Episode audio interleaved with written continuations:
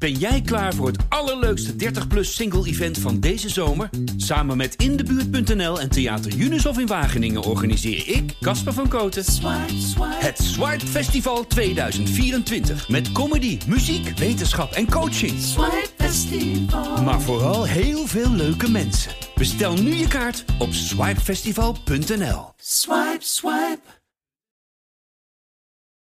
Ik heb ook gewoon zo'n levendige fantasie, denk ik. En dat is enerzijds heel mooi en heel prettig. En anderzijds, ja, kan het me echt ontzettend in mijn kont bijten, om het zo maar te zeggen. Ik denk dat ik ook heel snel, ja, iemands potentieel zie. Of, of hoe het dan zou kunnen worden. Of... Maar ik denk niet dat ik ooit eerder zoveel heb geleerd eigenlijk van een relatie. Het voelt echt als een soort, ja, een weg naar volwassenwording of zo. Een soort alle kinderlijke fantasieën en filters, die zijn nu wel echt een beetje aan het verdwijnen, denk ik. Deze week luister je naar het verhaal van Grete, die uit een soort voornemen hals over kop in een relatie stapte en verhuisde. Het projecteren van je verwachtingen op één iemand, dat doet natuurlijk iedereen die verliefd is. Maar dit verhaal slaat alles. Is ze moedig, ondoordacht of allebei? Dit is de liefde van nu. Grete, leuk dat je er bent. Vind ik ook. Ik las vanochtend jouw mail Mhm. en toen moest ik denken aan gistermiddag zat ik voor het eerst in mijn leven op een elektrische fiets. En zo'n elektrische fiets met zo'n turboknop. ik snap wat je bedoelt. En die ging ineens, ik, ik had een heel smal straatje en die ging ineens als een gek vooruit. ja. En toen heb ik hem heel snel weer losgelaten. ja. Maar daar moest ik aan denken vanochtend toen ik die mail... En jij, jij snapt wat ik bedoel. Ja, dat gevoel alsof je op een turbofiets zit. Ja, dat, dat heb ik ook wel gevoeld inderdaad de afgelopen 3,5 maand. En wat, was, wat gebeurde er? Wat was er, is er gebeurd die afgelopen 3,5 maand? Ja, heel veel in zo'n korte tijd. Ehm, ja, ik heb afgelopen juli via een dating app iemand leren kennen in Berlijn. Eh, een, eh, een jonge man die psycholoog is. Heel fascinerend meteen al was. Ehm, Waarom? Wat was maakte hem fascinerend? Ja, we hadden meteen een hele fijne klik. We merkten meteen dat we heel goed ja, lange gesprekken konden voeren. En, en er zat een soort van sprankeling in, die ik niet zo heel vaak heb ervaren nog met iemand. We zijn allebei gek op literatuur, op boeken. Ik dacht, wauw, ik heb iemand gevonden met wie ik zo'n intellectuele klik heb. En ook nog eens iemand die psycholoog is en van alles weet over gevoelens en emoties. En waanzinnig. Dit was het, dacht ik. En ik had hier zo lang op gewacht. Beschrijf hem eens hoe hij eruit zag. Op die foto's. Ja, hij had hele mooie donkere grove krullen, een hele scherpe kaaklijn, eh, blauwe ogen die je echt naar binnen zogen, een hele intense blik. Ehm, ja, ik denk dat ik, dat ik wel reageerde op die intensiteit die er van hem uitging. En zeker de combinatie met eh, zijn psycholoog-functie. Eh, en hij had een foto met een grote boekenkast achter zich. En ik zag wat titels van boeken die ik thuis Wilde je doorgrond worden door hem? Ehm, nou, ik dacht, ik wil die blik wel op mij gericht voelen. Omdat het zo intens was. En ik had het idee, als hij naar je kijkt, dan word je echt gezien. En ik denk, na vier jaar single zijn, had ik echt behoefte om gezien te worden. En jij dacht, nu heb ik de grote liefde van mijn leven te pakken. Ja, ik denk ergens dat ik ook dacht, goh, ik ben het jaar hiervoor celibatair geweest. En dit is een soort van de beloning voor het offer wat ik gebracht heb. een belachelijk idee. Je moet er zelf om lachen. Ja, zo werkt het natuurlijk niet in het leven. Maar ik heb ook gewoon zo'n levendige fantasie, denk ik. En dat is enerzijds heel mooi en heel prettig. En anderzijds, ja, kan het me echt ontzettend in mijn kont bijten, om het zo maar te zeggen. Ik denk dat ik ook heel snel, ja, iemands potentieel zie. Of, of hoe het dan zou kunnen worden. Of... En ik zie dat ook meteen heel beeldend voor me. Dus dan ga ik dan ook helemaal in geloven. Wat voor beeld zie je dan? Wat voor beeld zie je dan in, in, in die leuke relatie die je ooit nog gaat hebben? Hoe zie je jezelf dan lopen of zitten of staan? Of... Ja. wonen. Ja, ik zie mezelf denk ik in een, in een fijne keuken zitten met een man die voor me aan het koken is. En die terwijl dat hij in een pan roert naar me toe komt om een kus te geven op mijn wang. En er staat heerlijke muziek op de achtergrond, we hebben kaarsen aan. En daarna hebben we seks op de keukentafel. Ja, weet ik veel. Zoiets. Maar ik kan het echt gewoon... Ik kan ruiken de geur van de pasta saus, bij wijze van spreken. En, en ja, soms is dat beeld dan zo mooi dat, dat je er gewoon zo in gaat geloven. En ik denk ook eigenlijk tegenwoordig, uh, ja, zeker in een stad als Amsterdam, heb je natuurlijk best wel veel coaches en gurus en een soort hele New Age-achtige ideeën, zoals de Law of Attraction en manifestatie en zo.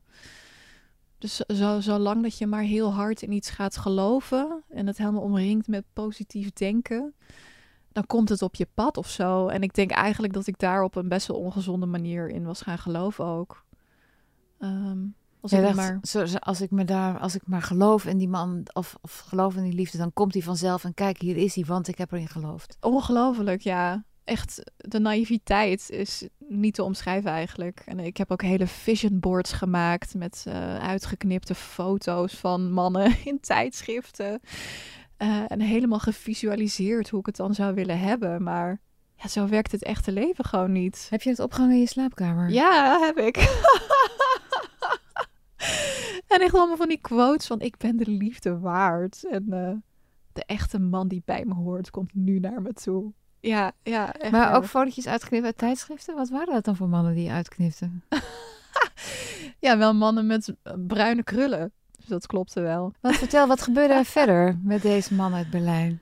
Um, ja, na een goede drie weken uh, chatten uh, ben ik naar Berlijn gegaan. Eigenlijk speciaal voor hem, om hem te ontmoeten.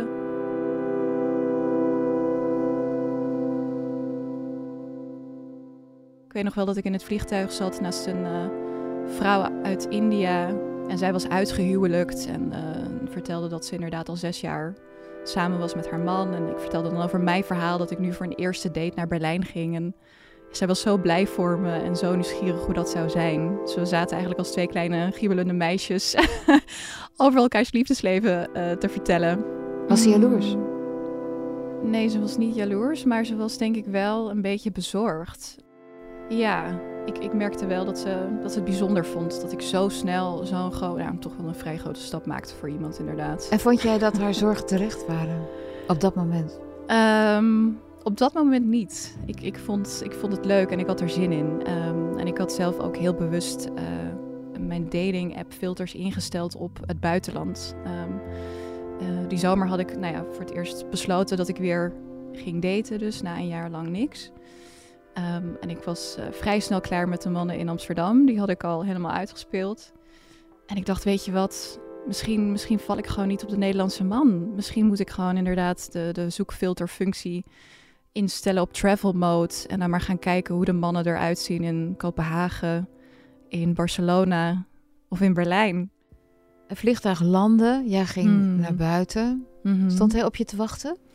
Uh, nee, nee. We hadden afgesproken dat ik eerst naar mijn hostel zou gaan. Daar even rustig zou kunnen douchen, omkleden. En uh, dan zouden we gaan eten samen. En toen voelde ik inderdaad wel uh, dat mijn hartslag omhoog ging bij het idee dat ik hem binnen een kwartier zou zien als ik uit mijn hostel zou stappen. Hoe begroeten jullie elkaar? we gaven elkaar een knuffel en ik was echt in alle staten. Toen kwamen de zenuwen er echt uit, terwijl ik normaal gesproken best wel een ja, kalm persoon ben onder dit soort stresssituaties. Maar ik kon alleen maar zeggen hoe vreemd ik het vond om hem te zien en hoe raar het was om naast hem te lopen.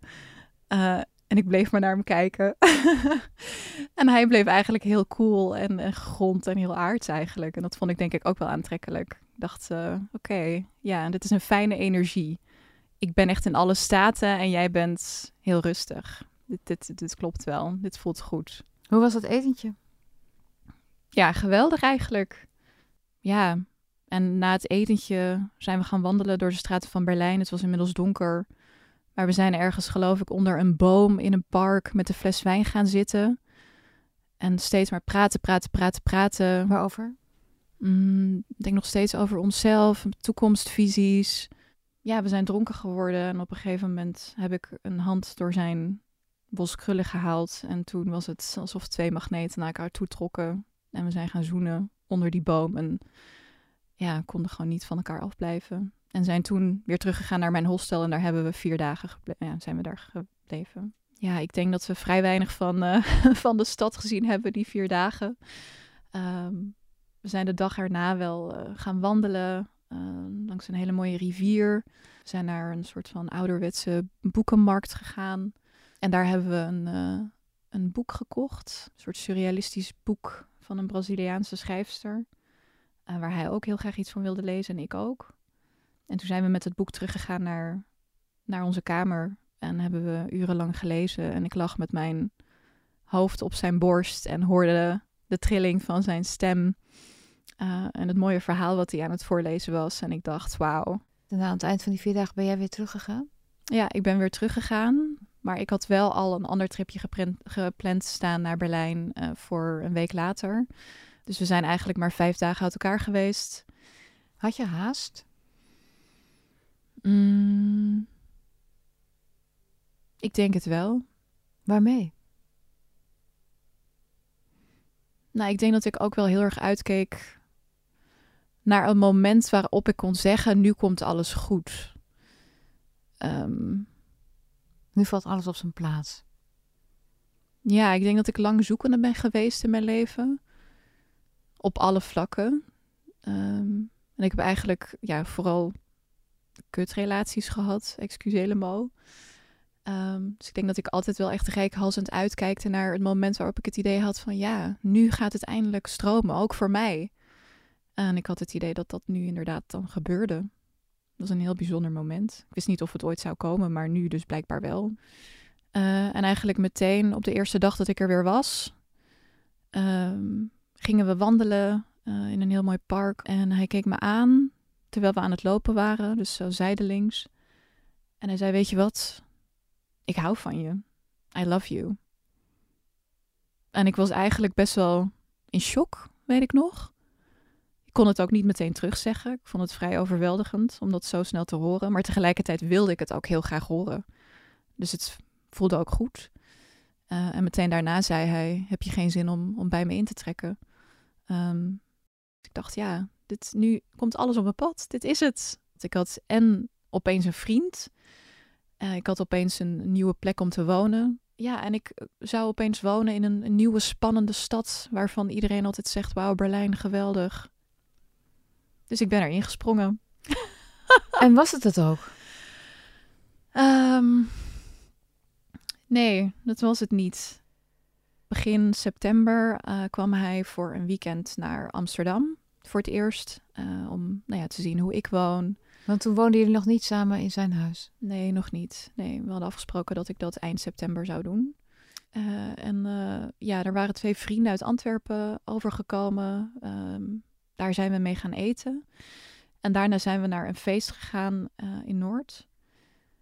En dat, daar gebeurde iets vreemds voor het eerst. We waren daar tot een uur of drie. Um, het was op een hele mooie locatie op de, op de, nou ja, de havens. Maar tegen een uur of drie begon de, energie er wel uit te gaan. En uh, mijn twee vrienden en ik hadden wel zin om wel naar huis te gaan. We dachten, het is wel klaar. Maar mijn vriend wilde niet weggaan. Hij wilde blijven plakken. Terwijl het ook niet leek alsof hij het echt naar zijn zin had. Dus hij stond daar maar met een, ja, een bekertje bier in zijn hand een beetje om zich heen te kijken en niet echt te bewegen. Dus zijn lichaamstaal was eigenlijk al anders dan wat hij zegt. Was wat hij zei, dat hoe hij zich voelde. Um, ik zei dat we weg wilden. En hij werd er eigenlijk heel chagrijnig van. Dus ik, ik merkte al dat hij wel meeging. Hij stapte wel op zijn fiets, maar met tegenzin. En toen we op de fiets zaten, uh, zei hij: Goh, you Central Europeans, you really don't know how to enjoy life. It's all work, work, work for you. Hij was half Spaans, dus ik denk dat hij, nou ja, Central Europeans sloeg dan denk ik daarop. En dat vond ik zo'n gekke reactie. Ik dacht, hè, maar dat feest was niet eens leuk of zo. Waarom heb je hier zo'n moeite mee? Uh, en de hele terugweg naar huis uh, ja, bleef hij eigenlijk chagrijnig. En uh, ging ook nog met mijn vrienden praten en ze een beetje uithoren over hun feestgedrag in Antwerpen. En gebruiken ze dan wel drugs en feesten ze altijd zo weinig. Ja, de sfeer sloeg echt ontzettend om. en ik schrok daar ontzettend van. Dacht, het is zo gek. Het voelt heel kinderlijk, een soort gekke driftbui. Iemand die niet krijgt wat hij wil. en ik weet dat het voor mijn vrienden ook heel raar was zij zeiden achteraf ook van, god, dat is een hele vreemde reactie. Want tijdens zo'n weekend zou het gewoon moeten gaan om, om jou. Uh, om jou te leren kennen, om je vrienden te leren kennen. En niet om een of ander random feest eigenlijk. Dus het was een beetje een rare overtrokken reactie. Ehm, de dag erna ja, heb ik er wel een gesprek met hem over geprobeerd te hebben, maar hij leek het niet te begrijpen. Eh, en de dag daarop bleek dat hij 0 euro op zijn bankrekening had en hij verwachtte ook dat ik geld van hem zou lenen. Dus dat hele weekend ja, viel een beetje tegen. Ik uh, zag ineens een best wel ja, kinderlijke kant van hem. En daar schrok ik van. Ehm, en dat was een hele slechte timing, want ik had mijn tickets naar Berlijn dan al. En ik zou die dag erna met hem samen naar Berlijn gaan. Voor Forever. een bepaalde tijd. Ja, wat mij betreft voor altijd. En je bent gegaan?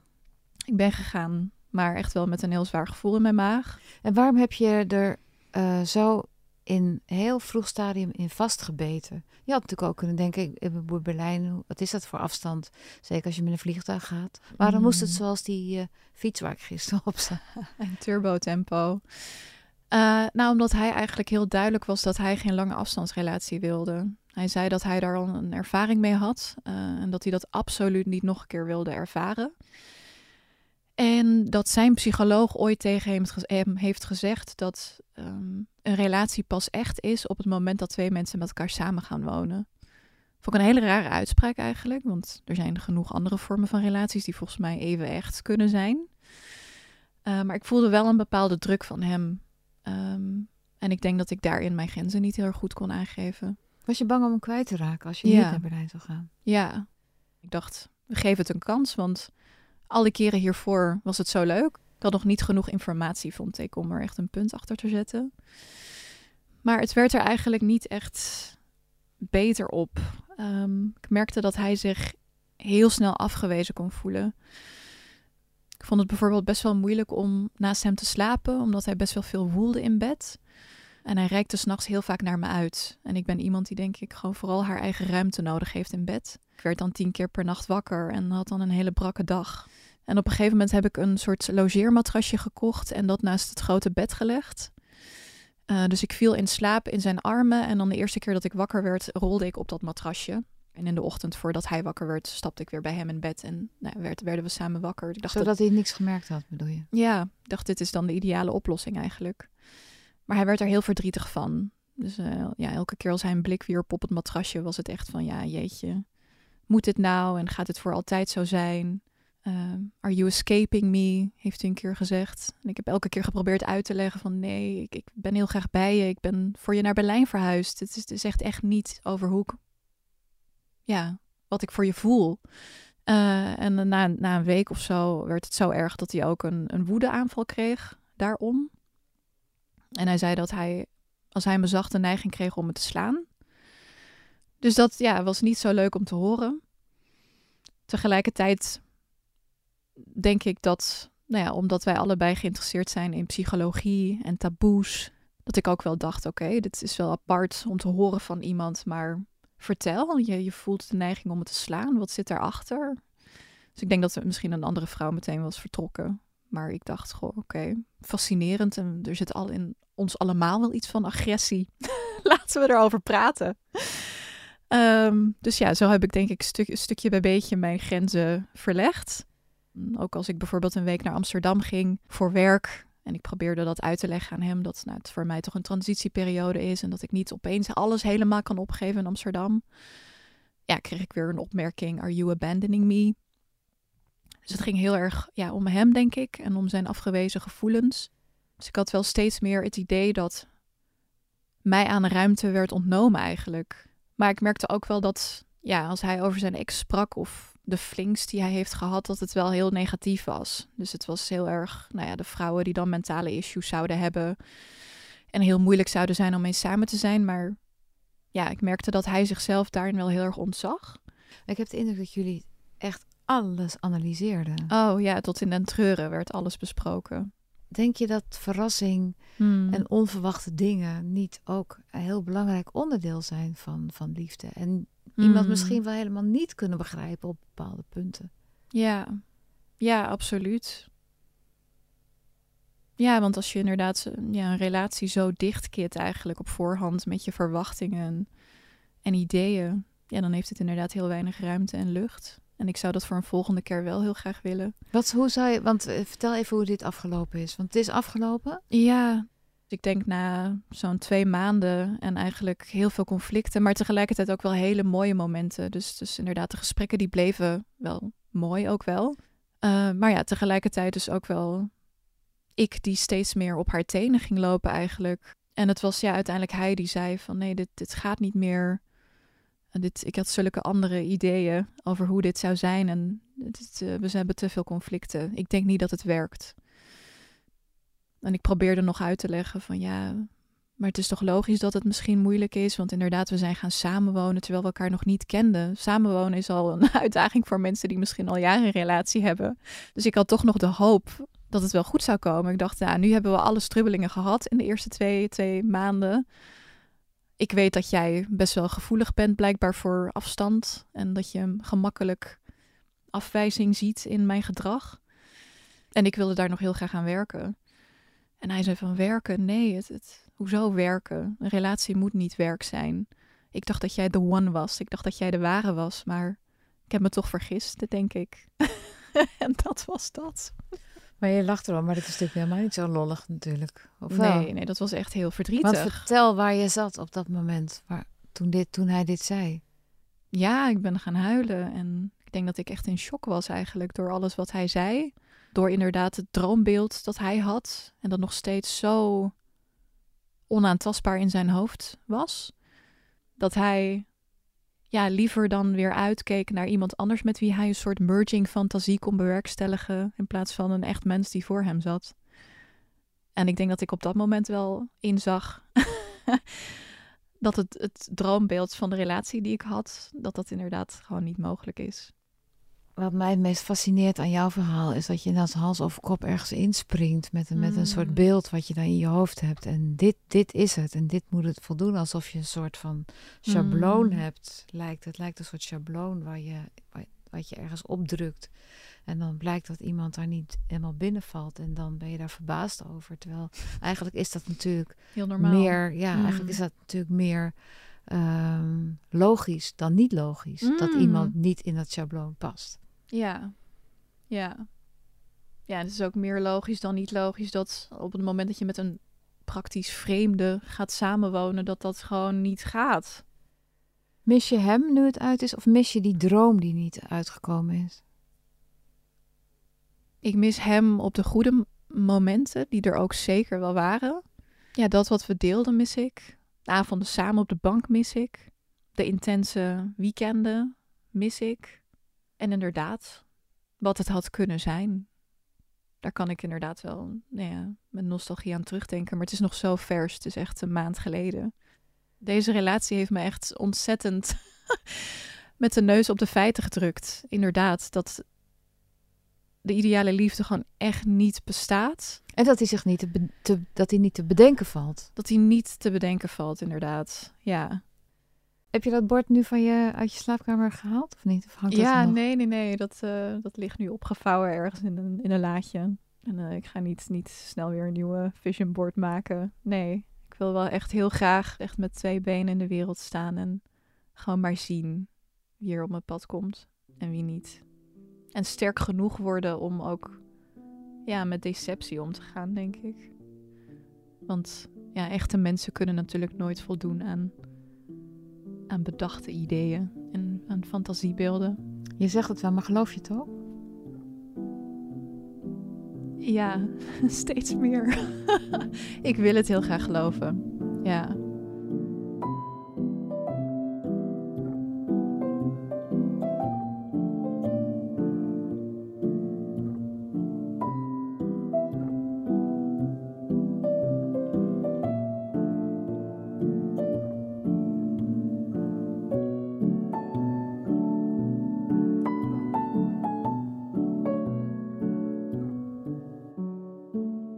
Dit was de liefde van nu.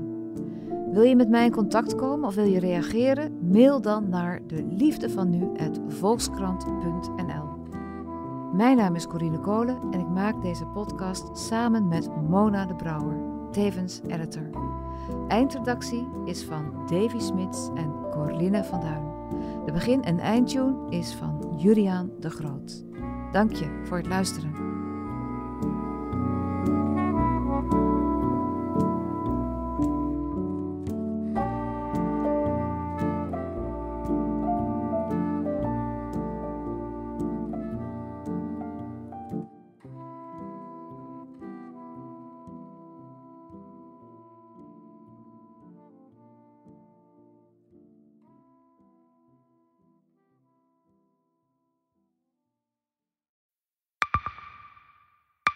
Zijn leven is overhoop gegooid. Plus dat heel veel mensen hem niet geloven. Vrienden niet, die, die denken, ja, hij is gewoon gek geworden. Hoe naar moet dat zijn? Als je vertelt over de meest indringende ervaring uit jouw leven en niemand gelooft dat je het echt hebt meegemaakt. Ja, ik vind zelf niet dat ik het verzonnen heb, maar sommige mensen denken dat wel. Maar hoe kom je erachter of jij je doelwit bent van een geheime dienst? Ik heb ook wel eens meegemaakt dat je het idee hebt dat inlichtingendiensten in je geïnteresseerd zijn. En dan kun je wel heel veel zien, wat er misschien helemaal niet is. Als ik s'avonds nog iets ging eten, dan volgden die mensen mee naar het restaurant. En dan terug van het restaurant naar het hotel. Als zij op een gegeven moment zei, kijk maar uit, want anders word je dadelijk nog wat voert ook. Shit, ik moet hier weg. Dat is, is niet goed. Nu word ik gevolgd. Een soort Truman Show is het gewoon. Hè? Alsof dat hele straatbeeld voor jou is ingericht.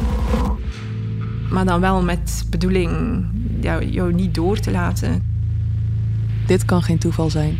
Een nieuwe podcast van de Volkskrant. Mijn naam is Simone Eleveld en samen met Huid Modderkolk ontrafel ik een bizarre operatie van de geheime dienst. Wat het doel ook is, jij verliest het. Ik werd opgepakt, heel lang ondervraagd. Maar hoe krijg je grip in een wereld die zo onderzichtig is? Als je zou liegen, dan zou je niet de meest relevante informatie twee jaar later tussen neus en lippen doorvertellen. Er zal nooit iemand zeggen, oké Bart, ik geloof je. Nooit, nooit. Dit kan geen toeval zijn. Vanaf 3 oktober bij de Volkskrant. Ik weet niet of ik ook alles kan vertellen. Het is echt te bizar. Wat? Ehm, ja. Ben jij klaar voor het allerleukste 30-plus single-event van deze zomer? Samen met Indebuurt.nl en Theater Unisof in Wageningen organiseer ik, Casper van Koten, het Swipe Festival 2024. Met comedy, muziek, wetenschap en coaching. Maar vooral heel veel leuke mensen. Bestel nu je kaart op swipefestival.nl. Swipe, swipe.